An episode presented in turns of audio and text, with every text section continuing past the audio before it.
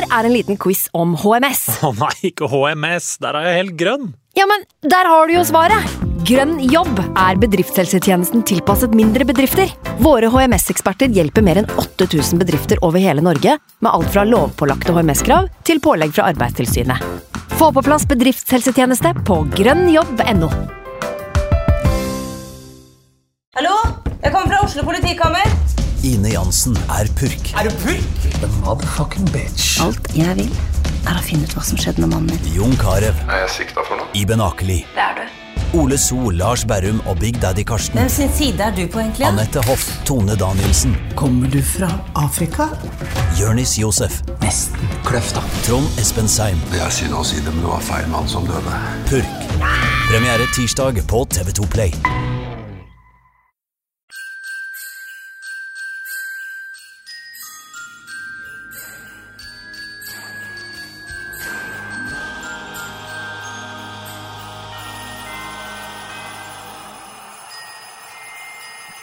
Velkommen til luke nummer åtte i årets julekalender. I dag er det 82 år siden USA erklærte krig mot Japan etter angrepet på Pearl Harbor dagen før.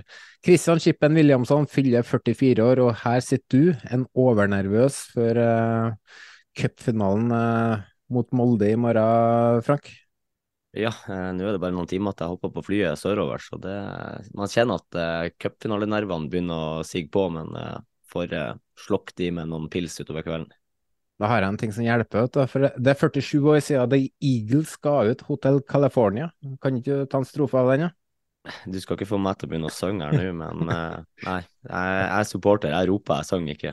Jeg fikk høre det etter det er min strofe etter episoden med Espen Ruud der, så, så, det skal vi ikke gjøre igjen. Men det var 43 år siden John Lennon ble skutt og drept. Men nok om det. Hyggelig, hyggelig prat med Runar Berg i går.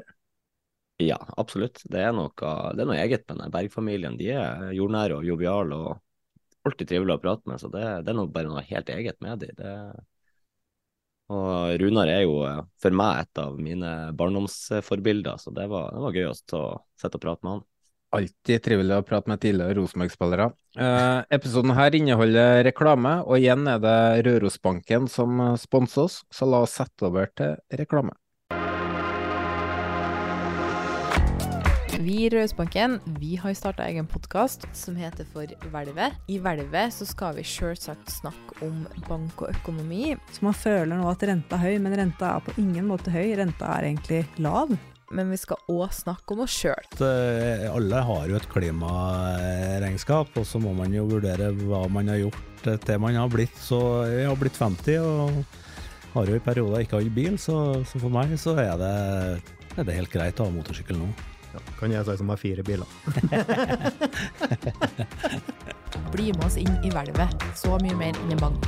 Den finner du på Spotify, eller hvor enn du liker å høre podkaster. Det var Rørosbanken, men nå må vi få inn dagens gjest. For, uh, for, for var det én ting dagens gjest ikke likte, så var det det å være innbytter. Men han er faktisk innbytter i denne episoden her. Ja, for uh, vi skulle jo egentlig ha en Vålerenga-spiller med oss i dag, men uh, det ble jo plutselig litt ombookinger da de sto i grøten som de gjorde, og de er jo faktisk ikke helt ferdig med sesongen enda, så da respekterer vi det at de ønsker ikke å stille opp i media, og ja, kaller vi oss sjøl media nå plutselig, men ja, det ble ikke sånn i hvert fall. Vi kan jo si at uh, no offense, Vålerenga, men det her det er en oppgradering. Ja, absolutt. Det her det blir, det blir gøy. Han, han, vi har med oss i dag, han har ei stor karriere bak seg og ny, nylig lagt skoen på hylla. Og du fikk jo ikke vite hvem det var når du tok hintene i går heller, du. Og det var jo egentlig litt morsomt. Og en ny vri når du skulle gi hint til dagens episode. Og som jeg sa, den gangen her gjør du det litt utfordrende for lytterne å gjette. Og du klarte jo faktisk ikke.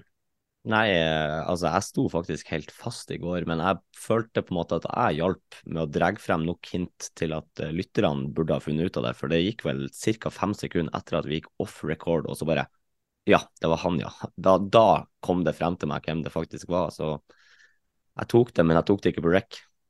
Altså, hva skal man hinte om, da? For uansett hva jeg hadde sagt, så hadde jo denne spilleren vært det første folk hadde tenkt på, tror jeg. Men uh, nå skal ikke la lytterne uh, vente lenger. La oss få gjesten inn, for hvem befinner seg bak luke nummer åtte? Det er meg.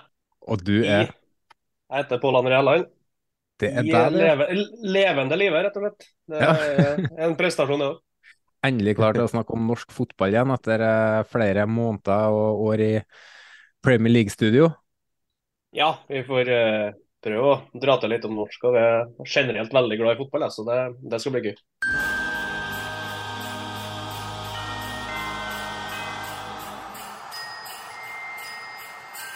Eh, først og fremst, tusen takk for at du kunne stille på så kort eh, varsel. Og til alle lyttere der ute som tenker nei, faen, enda en Rosenborg-spiller. Eh, det skulle som sagt være luke for en Vålerenga-spiller. Eh, og Pål var den første som besvarte uh, meldinga jeg sendte rundt, så jeg fikk jo full panikk når ikke vi fikk med Vålerenga-spiller i dag. Så, så det løste seg. Eh, 2023 er det første året hvor du ikke lever som profesjonell fotballspiller siden du var en ung, ung gutt. Men har livet egentlig vært travlere enn det det er nå? Eh, nei, jeg tror ikke det. Det har vært eh, ganske så krevende.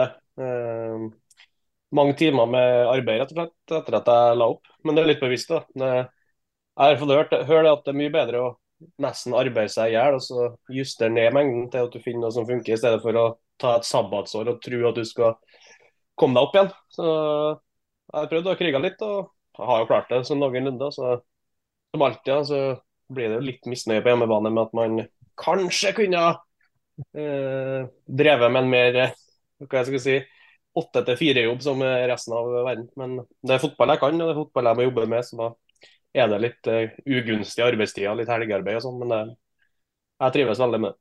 Jeg kjenner meg veldig igjen. Det har vært et, uh, for meg sjøl et jævlig tøft år med vanlig sju til tre-jobb, sånn som din frøken vil at du skal ha. Men jeg har jo kombinert det med to trenerjobber og podkast, så det har jo Så jeg måtte gjøre som deg, jeg måtte justere meg ned. Så, men har du begynt å justere deg ned, eller trives du med syklusen du nå?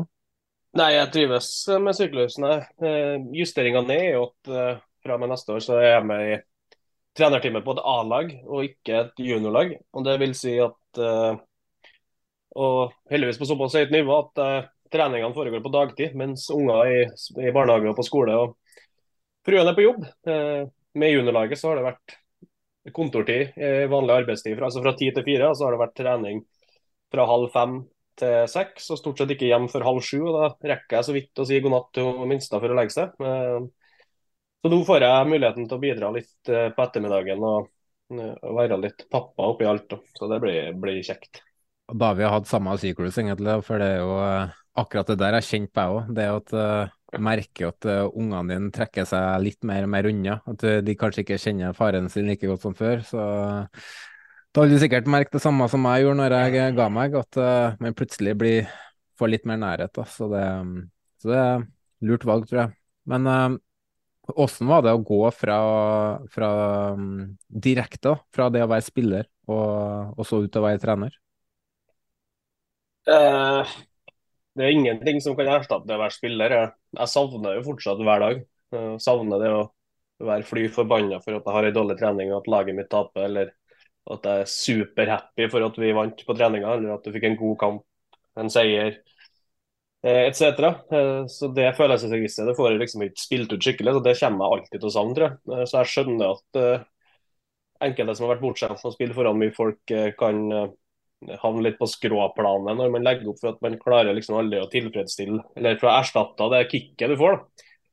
Det å score foran 20 000 og laget vinner og det er 20 000 som roper navnet ditt i kor liksom når det blir ropt opp av spiker som målskårer, det, det er et kick som er vanskelig å beskrive.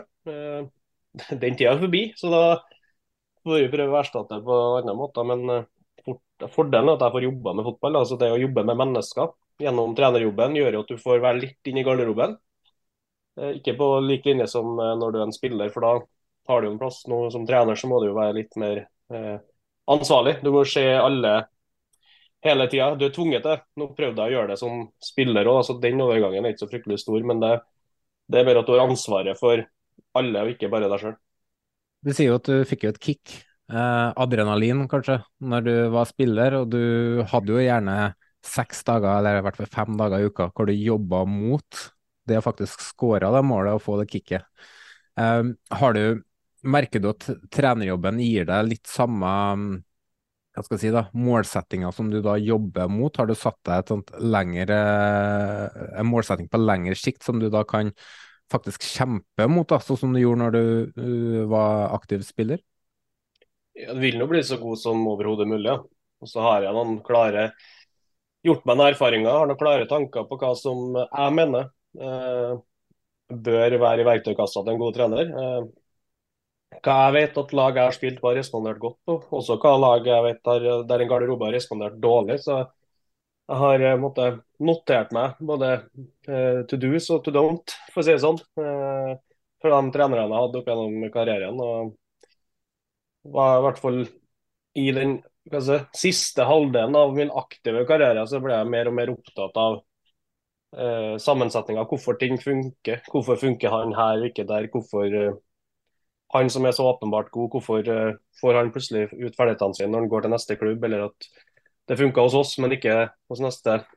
Så ja. Det er jo litt, litt Ikke for å bli altfor trønderromantisk, men den godfotteorien er veldig, veldig eh, viktig og overførbar skal du få til noe som trener. Og så har jobben nå i år vært eh, med juniorer. og da har jeg egentlig de gangene jeg har vært stoltest og kryest, det er når det er juniorspillere som har debutert på A-laget til Lillestrøm. Det, da kjente ja, for det har, blitt, det har blitt noen i år?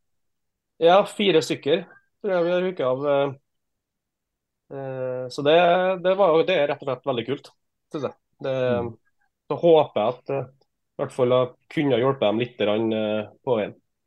Hvordan vil du beskrive deg selv som trener, da, på, på, spesielt på feltet? da? Er du den der Nils Arne Eggen litt ned i hockeyen og stå og peke og kjefte, eller er du den som tar to steg tilbake og observerer?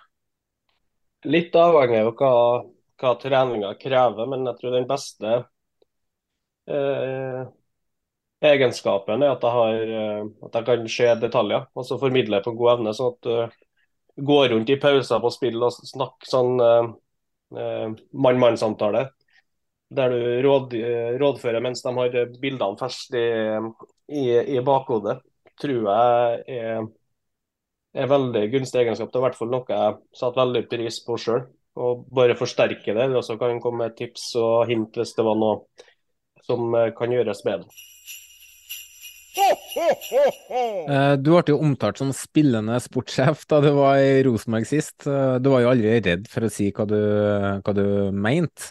Har du noen tanker om det som har foregått i Rosenborg, si, egentlig fra fra Kåre var ferdig da, og til nå, med utskiftinger i styre, ledelse, administrasjon, spillere, trenere. Um, og så har de nå tatt en ny retning da, uh, i sommer. en ny skal si da, sportsplan, en ny retning å gå. Har du, har du gjort opp noen tanker hva som skjer i din eh, gamle klubb, eller? Ja, det har jeg jo. Jeg syns det er veldig kjedelig. og det hva skal jeg si, jeg, jeg så jo det, det kom litt. Det var litt det her jeg advarte om en gang da jeg sto på, var på, på tilt etter at vi hadde snudd kampen hjemme mot Bodø-Glimt i, i, 2019. At man var litt i følelsen at man var litt i ferd med å glemme hvorfor man hadde blitt god. Og uh, Rosenborg er særskilt i Norge sammen med et par andre klubber, men merkevanen Rosenborg er såpass sterk, og den er skapt pga. at man nesten har et sånn man har en oppskrift på hvordan få den suksessen. Og at man til stadighet klarer å bevege seg bort fra det, før man da drar den erkjennelsen at nå er vi på ville veier, og så ender man opp tilbake i det som faktisk fungerer. Det, det er litt synd, for det, er et blueprint der som beviselig gir resultater som engasjerer publikum, omgivelser, engasjerer supportere, fans, eh, sponsormarked og alt som gjør at det blir fullt av folk på Lerkendal. Eh, og håper og gleder meg til den dagen Rosenborg er tilbake der de hører hjemme. Ja, Det er jo et uh, annet lag litt lenger nord som uh, skal ikke si at de følger oppskrifta til Rosenborg, men det er jo samme mal. Uh, de på en måte jobber med da, og oppnår suksess. og så vil jeg jo si at Brann gjør eh, noe av det samme, bare at de kanskje har eh, litt mer fokus på det høye presset og intensitet. da. Eh, Men det er jo Du ser jo at det fortsatt funker, jo. Men eh, apropos sportssjef. Mikke Dorsin får jo stadig mer kritikk, og resultatene uteblir. og Dorsin sine signeringer slår ikke akkurat helt til. Ser man på historikken som sportslig leder, eh, så er ikke akkurat det veldig hyggelig lesning. Men uh, nå skal du få lov til å leke litt, uh, sportssjef, for nå er du jo ikke ansatt i Lillestrøm, så vidt jeg vet, formelt. Eller du i hvert fall Jo da, jeg har da 14 dager til på meg, men det kan jeg nå gi faen i. Ja, men det ja. Og du er jo ikke ansatt i Rosenborg, så du har jo egentlig ingenting som holder deg tilbake nå. Men hvis, eh, nå kjenner jeg ikke jeg til deg som trener, men jeg har hele tida ment at, eh, at eh, du har mye som skal til for å bli en god sportssjef i framtida. Og hvis du har tatt over Rosenborg i dag, hvor har du, hvor har du starta hen? Tenker du da på rekruttering av spillere? Altså, hva er det første du ville tatt tak i? Det første jeg ville tatt tak i, er noe som jeg tror det virker i hvert fall utad som de har tatt tak i nå. Det er jo at man må definere en eh, måte, en spillestil, i hvert fall noen prinsipper som klubben må følge, som gjør at det er lett å rekruttere spillere. At du kan ikke, det kan ikke være trenerbestemt hvilken type fotball og hvilke spillertyper du skal ha til enhver tid. For du ser jo med den gjennomtrekken av uh, trenere som har vært det siste året, og da som det er i toppklubber. Hvis man ikke uh, oppnår suksess og varig suksess, så må man fra et klubbsted ha en definert måte man ønsker å spille på. Sånn at man har Er det lett å bestemme seg for spillertyper? Da kan du ha La oss si at du har en base da, med ti spillere i hver posisjon som du syns er attraktiv, som eh, hvis tilgjengelig kan være potensielt være Rosenborg-spillere. Så tror jeg også det som er ekstremt viktig, er at hvis man skal kjøpe voksne eh, utenlandske spillere, så må de være bedre enn trønderne man har. Mm. Det er, man må være så sikker på at de er bedre. For med en gang de da havner på benken, så har ikke de noe tilknytning til Rosenborg annet enn uh, lønnssjekken. Og da er eh, lojaliteten deres er ikke uh, nødvendigvis så stor som det er hos en lokal spiller, og appellen deres er nødvendigvis heller ikke så stor som hos en lokal spiller. Så når man skal bruke penger og hente noen som eh, fra utlandet, så bør de egentlig bør være hellig overbevist om at de her går klink inn i startelveren. Typ eh, Tengsted. Typ Kale Holse, som etter hvert i hvert fall eh, gjorde det. At man da ikke henter noen som tar opp eh, en plass på benken, som heller kunne ha vært en, en av de beste juniorene som har eh, fått eh, smakt litt på det. Vi kunne sikkert ha snakka i fem-ti timer om eh, deg og karrieren din og alt det her, men uh, vi må bare plukke ut noen ting i og med at det er en kort julekalenderepisode. Men uh, når du dro fra Rosenborg og videre til Lillestrøm, så var det mange som på en måte reagerte da. Det var, kom kanskje som et litt sjokk for veldig mange, spesielt Rosenborg-supportere. Uh, hva var det som på en måte førte deg ut av klubben? Var det Dorsin og Hareide som trakk i trådene for å få deg vekk, eller, eller følte du at tida var moden for at du sjøl skulle bevege deg videre? Nei eh, sånn, eh, Hva skal jeg svare på her, da? På et generelt grunnlag så har jeg null problem eller har hatt null problem som spiller hvis det er noen som har, hvis det kommer inn en trener og sagt til meg at vet du jeg tror jeg kanskje at det er best for både laget og deg sjøl at eh, vi, våre veier skilles nå. Eh, Men det skjedde noe på slutten av sesongen i 2020 som gjorde at eh, det var over min verdighet. og da bestemte jeg meg at det kan ikke jeg være, eh, være en del av. Og det ville rett og slett til en norsk klubb for å sørge for at de slo Rosenborg. Ikke for at jeg skulle ta klubben, men jeg skulle ta noen som gjorde noe mot meg. Og det, jeg trenger ikke å gå i dybden på det, men eh, det var i hvert fall noe eh, som jeg ikke fant meg. Er den personen i Rosenborg i dag? Nei. Men Det ble, det ble Østlandet, det ble Østlandet og Lillestrøm på deg da, og du, du kom ikke bare dit som en fotballspiller, men du og han Aasen ble også henta dit for å være med å bygge en kultur og bygge opp en garderobekultur der. Eh, Hvordan var det å komme inn i en ny garderobe, nye spillere, nytt trenerteam, eh, og en kultur som kanskje ikke var så kjent for deg når du kom? Nei, det var, det var gøy. Det var utfordrende. Fikk du brukt litt av de tankene man har gjort seg på hva som funker. Og så er det jo veldig enkelt når du, i hvert fall det jeg og Gjermund gjorde, var at vi var først inn og sist hjem. Ja. Vi trente, og det, etter hvert så fanga jo alle andre opp hva vi gjorde, og da ble det en kultur for å eh, gjøre det ekstra jobben før trening. Eh, og gjøre ekstra etter trening hvis det var behov for det. Bruke ekstra tid på fyserommet og være litt krevende til dem for eh, oss som hadde litt behov for eh, en oljesjekk i ny og ne. Eh, oljeskift, mener jeg. Så starta vi der, og så er det jo at det skal være gøy å gå på jobb. da. Det skal være takhele for alle sammen. Uh, alle skal komme inn i en garderobe og føle at de har en plass. Uh, så tror jeg veien med å komme dit er jo at man må sørge for at alle forstår at det de må starte med, at de må starte med å gi av seg sjøl i form av energi og glede og smil. Da vil de få igjen tigangen. Hvis innstillinga til spillerne er at de skal få av eh, omgivelsene hver gang de kommer inn i en garderobe eller kommer inn i et nytt rom, så tapper det energi. Hvis de kommer inn med mål om å gi, så vil de oppleve å få tilbake tigangen. og Det gjorde at vi hadde en ekstremt god garderobe i, i Lillestrøm. Altså en veldig fin og harmonisk og homogen, selv om det var et, et hierarki som du alltid vil ha, som du ikke får rokka med. Det, det setter seg naturlig i kraft av prestasjoner og, og meritter og uh, hvilken type man er som menneske. Men jeg tror også yngstemann var veldig trygg. Jeg tror også eh, nigerianerne i Igo og Matthew da, spesielt var også veldig trygge i garderoben. Selv om de eh, kommer litt fra en annen kultur, så opplevde de at det var plass til alle sammen. Du var jo ansatt nå i sommer når eh, Geir Bakke Sjokkovergangen til Vålerenga. Kan du, hva var det så, hvordan reagerte du den dagen det der uh, brøt ut for alle sammen? Nei, Det var som regel så uh, hva skal jeg si, så vet jeg det når ting beveger seg litt. Men det her ble jeg tatt uh, fullstendig på senga sjøl. For den dagen, eller kvelden i forkant så hadde jeg vært ute og tatt meg noen øl med noen kompiser. Så at jeg var litt sånn uh, Hva skal jeg si Litt trang i øynene, smal i blikket. Så ringer det en VG-journalist De meg, vekker meg tror jeg klokka ni.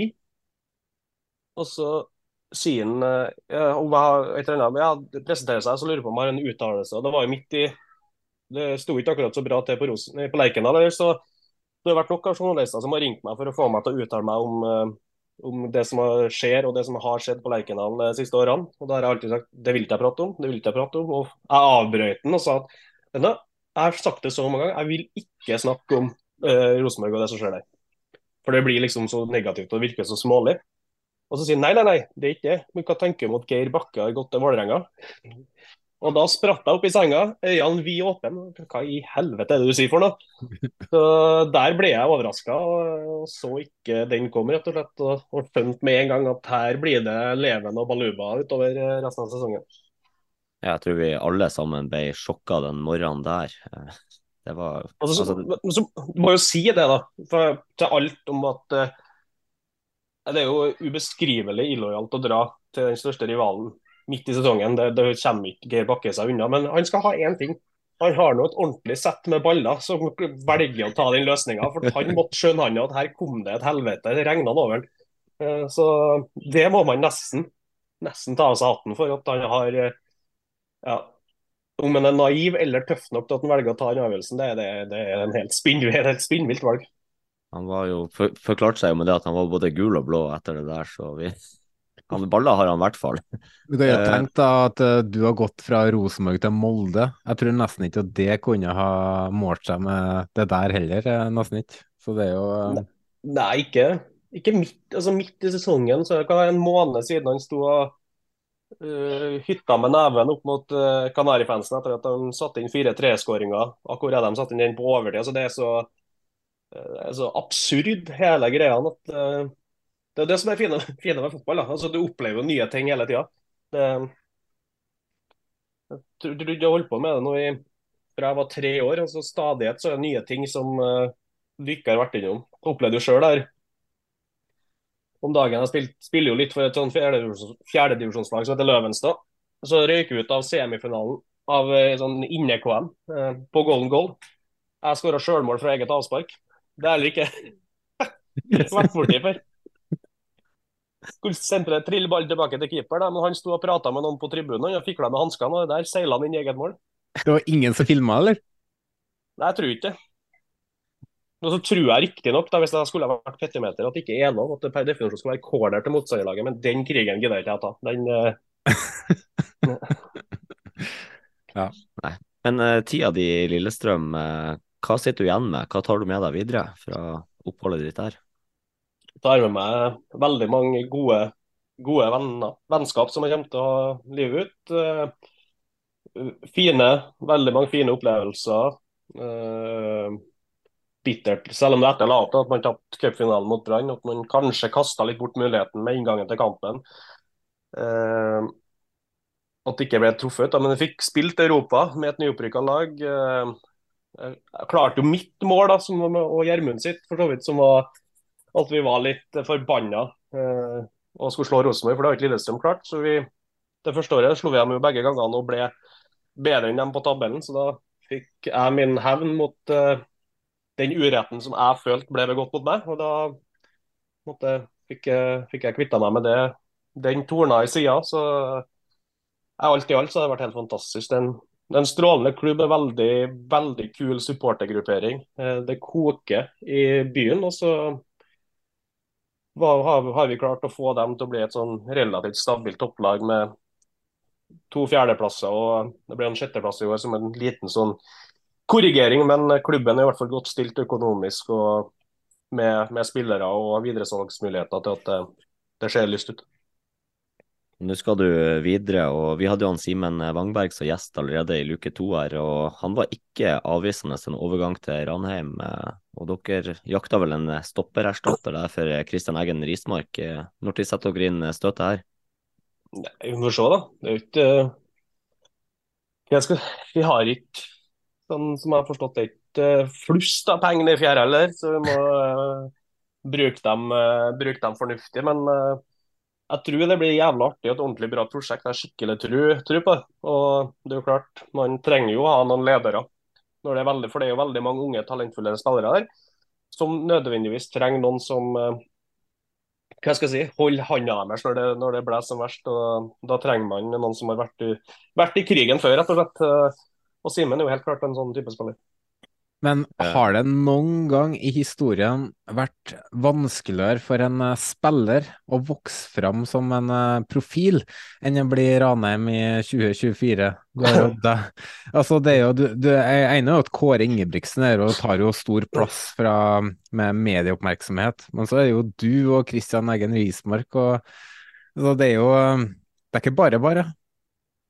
Nei, men det det kommer jo naturlig. Jeg tror Har du rett personlighet for det, så blir det uansett. Det, det er ikke sånn at du kan tvinge noen som er litt uh, introvert og uh, kanskje virker kjedelig utad, da, til å bare ta på seg en sånn profilmaske og stå og herje rundt og by deg på. Så er det noen som har den uh, litt ekstroverte personligheten, så vil det komme fram uansett. Og så, på en måte så kan det være greit, da, for da skal han jo få fokusere på fotball i fred og ro. Og så kan vi som er vant til å ha på oss klovnenese, vi kan uh, stå der og være lynavledere. Hvor lang tid tok det fra du fikk den eh, jobben til du sendte av gårde melding til Løken? da?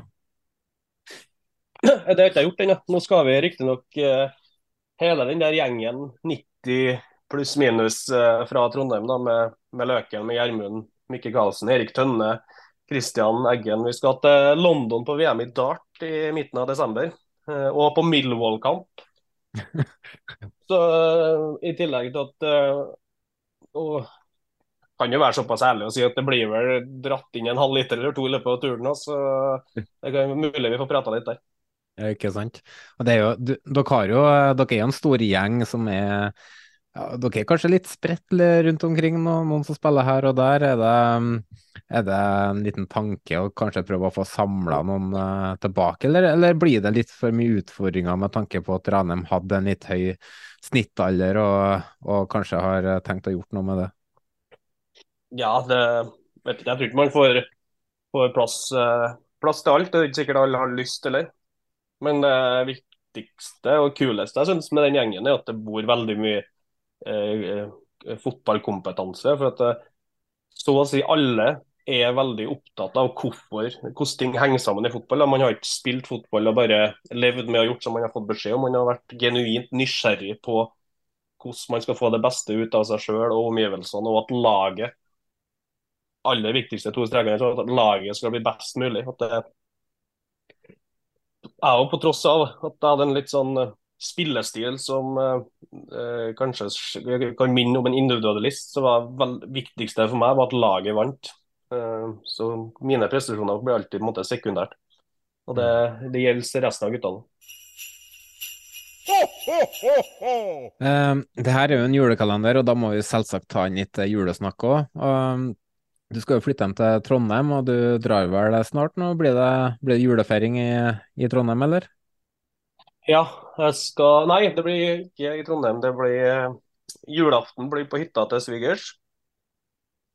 Og så blir det romjulscup og andre juledagsfest i Hemne. Tradisjon der som har hatt med barndomsvennene siden jeg var tiendes morgen. Og så andre del av jula skal jeg jobbe i Premier League-studio. Eh, så da flyr jeg ned til, ned til Oslo og ligger på hotell eh, fra med fjerde juledag og utover nyttår. Ja, det blir ordentlig boxing day og romjulstrøkk på deg òg, med andre ord? Ja da, det blir, det blir gøy. Det, det er trad tradisjon, det. Ja, ja. Um, det, har du et favoritt-juleminne fra barndommen?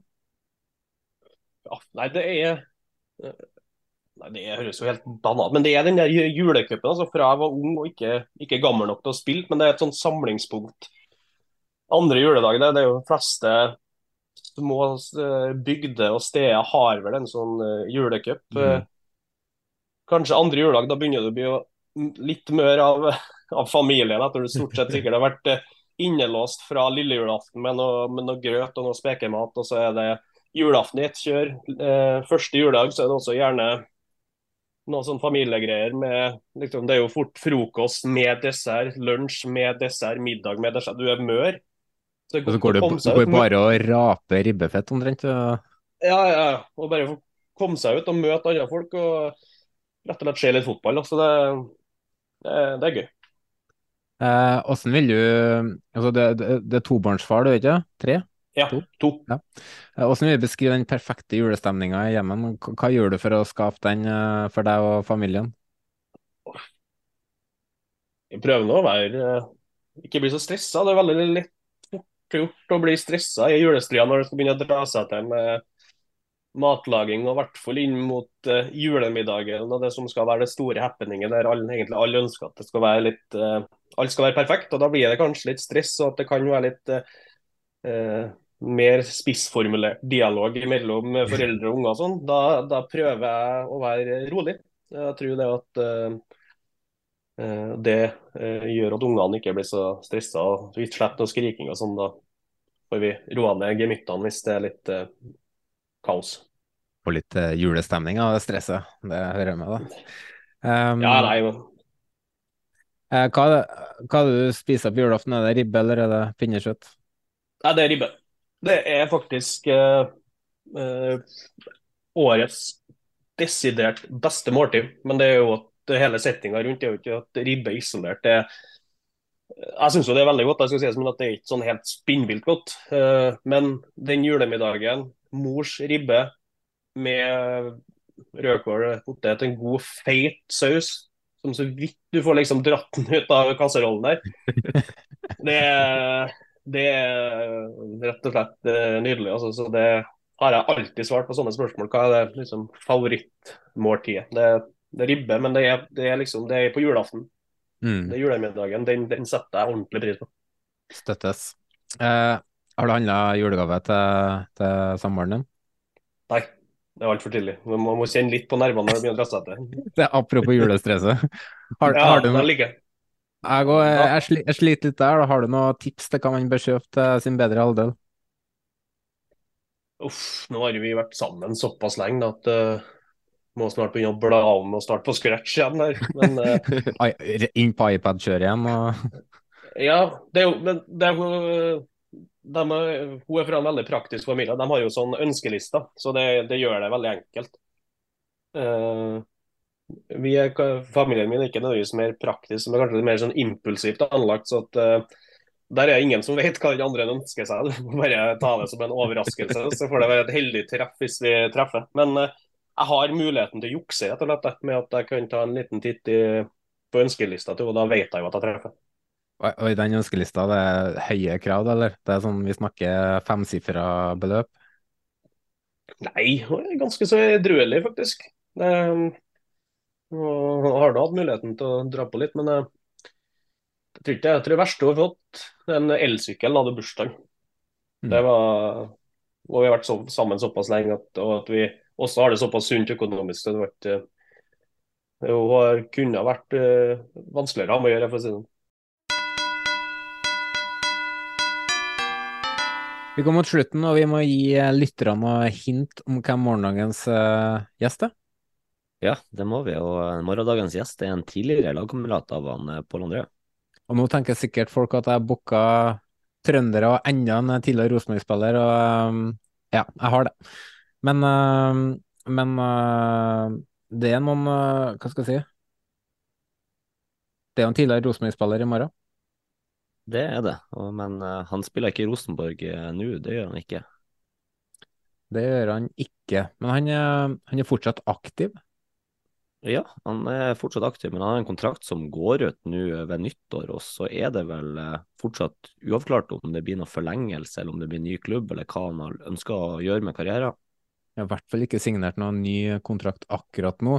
Eh, første gangen jeg så den spilleren på TV-en, så trodde jeg faktisk at han var svensk. Og det trodde jeg i flere uker, fordi eh, han kødda rett og slett litt med reporteren.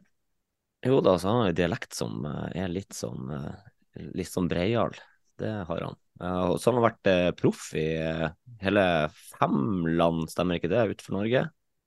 Italia, Frankrike, Island, Tyrkia og Sverige, eller tar jeg feil? Jo, Belgia. Hmm? Belgia òg, hvis, hvis, det er riktig fyr. Ja, det har han kanskje vært, ja. Seks ja. land, ja. Seks land, ja. Tenker det får være nok hint, og det høres ut som du vet hvem det er snakk om, Pål? Det gjør jeg. Har det et hint til, eller? Så er vi sikre på at vi er på samme spor? Uh, ja, han uh, Håret hans kan se ut som et lykketroll når han er i full sprint. Det disser noe voldsomt. så det er veld, Veldig energisk løpesett. Ja, der sier du noe. Jeg tror vi sier at det var nok hint av den her, uh, tror jeg lytterne våre blir å ta. Men uh, vi må bare få takke alle lytterne uansett for alle tilbakemeldinger vi har fått til nå i julekalenderen. Det har vært uh, altså overveldende, rett og slett. og Fortsett å sende inn eh, svar på de her hintene, så kan dere vinne eh, drakter av eh, spillerne, spillerne som kommer som gjester. da. Så og send inn svar på SoMe-kanalene våre eller på DM til oss, så noterer vi ned, og så trekker vi vinnere hver dag. Pål, det har vært en ære å ha deg på besøk. Jeg håper at jeg en gang i framtida ser deg i Rosenborg-trøye igjen, gjerne med dress, og så kan Løken og Eggen Rismark ha ansvaret på indre bane, og Karlsen kan varte opp de på vippen. Så god jul da, Pål. jo, takk for det.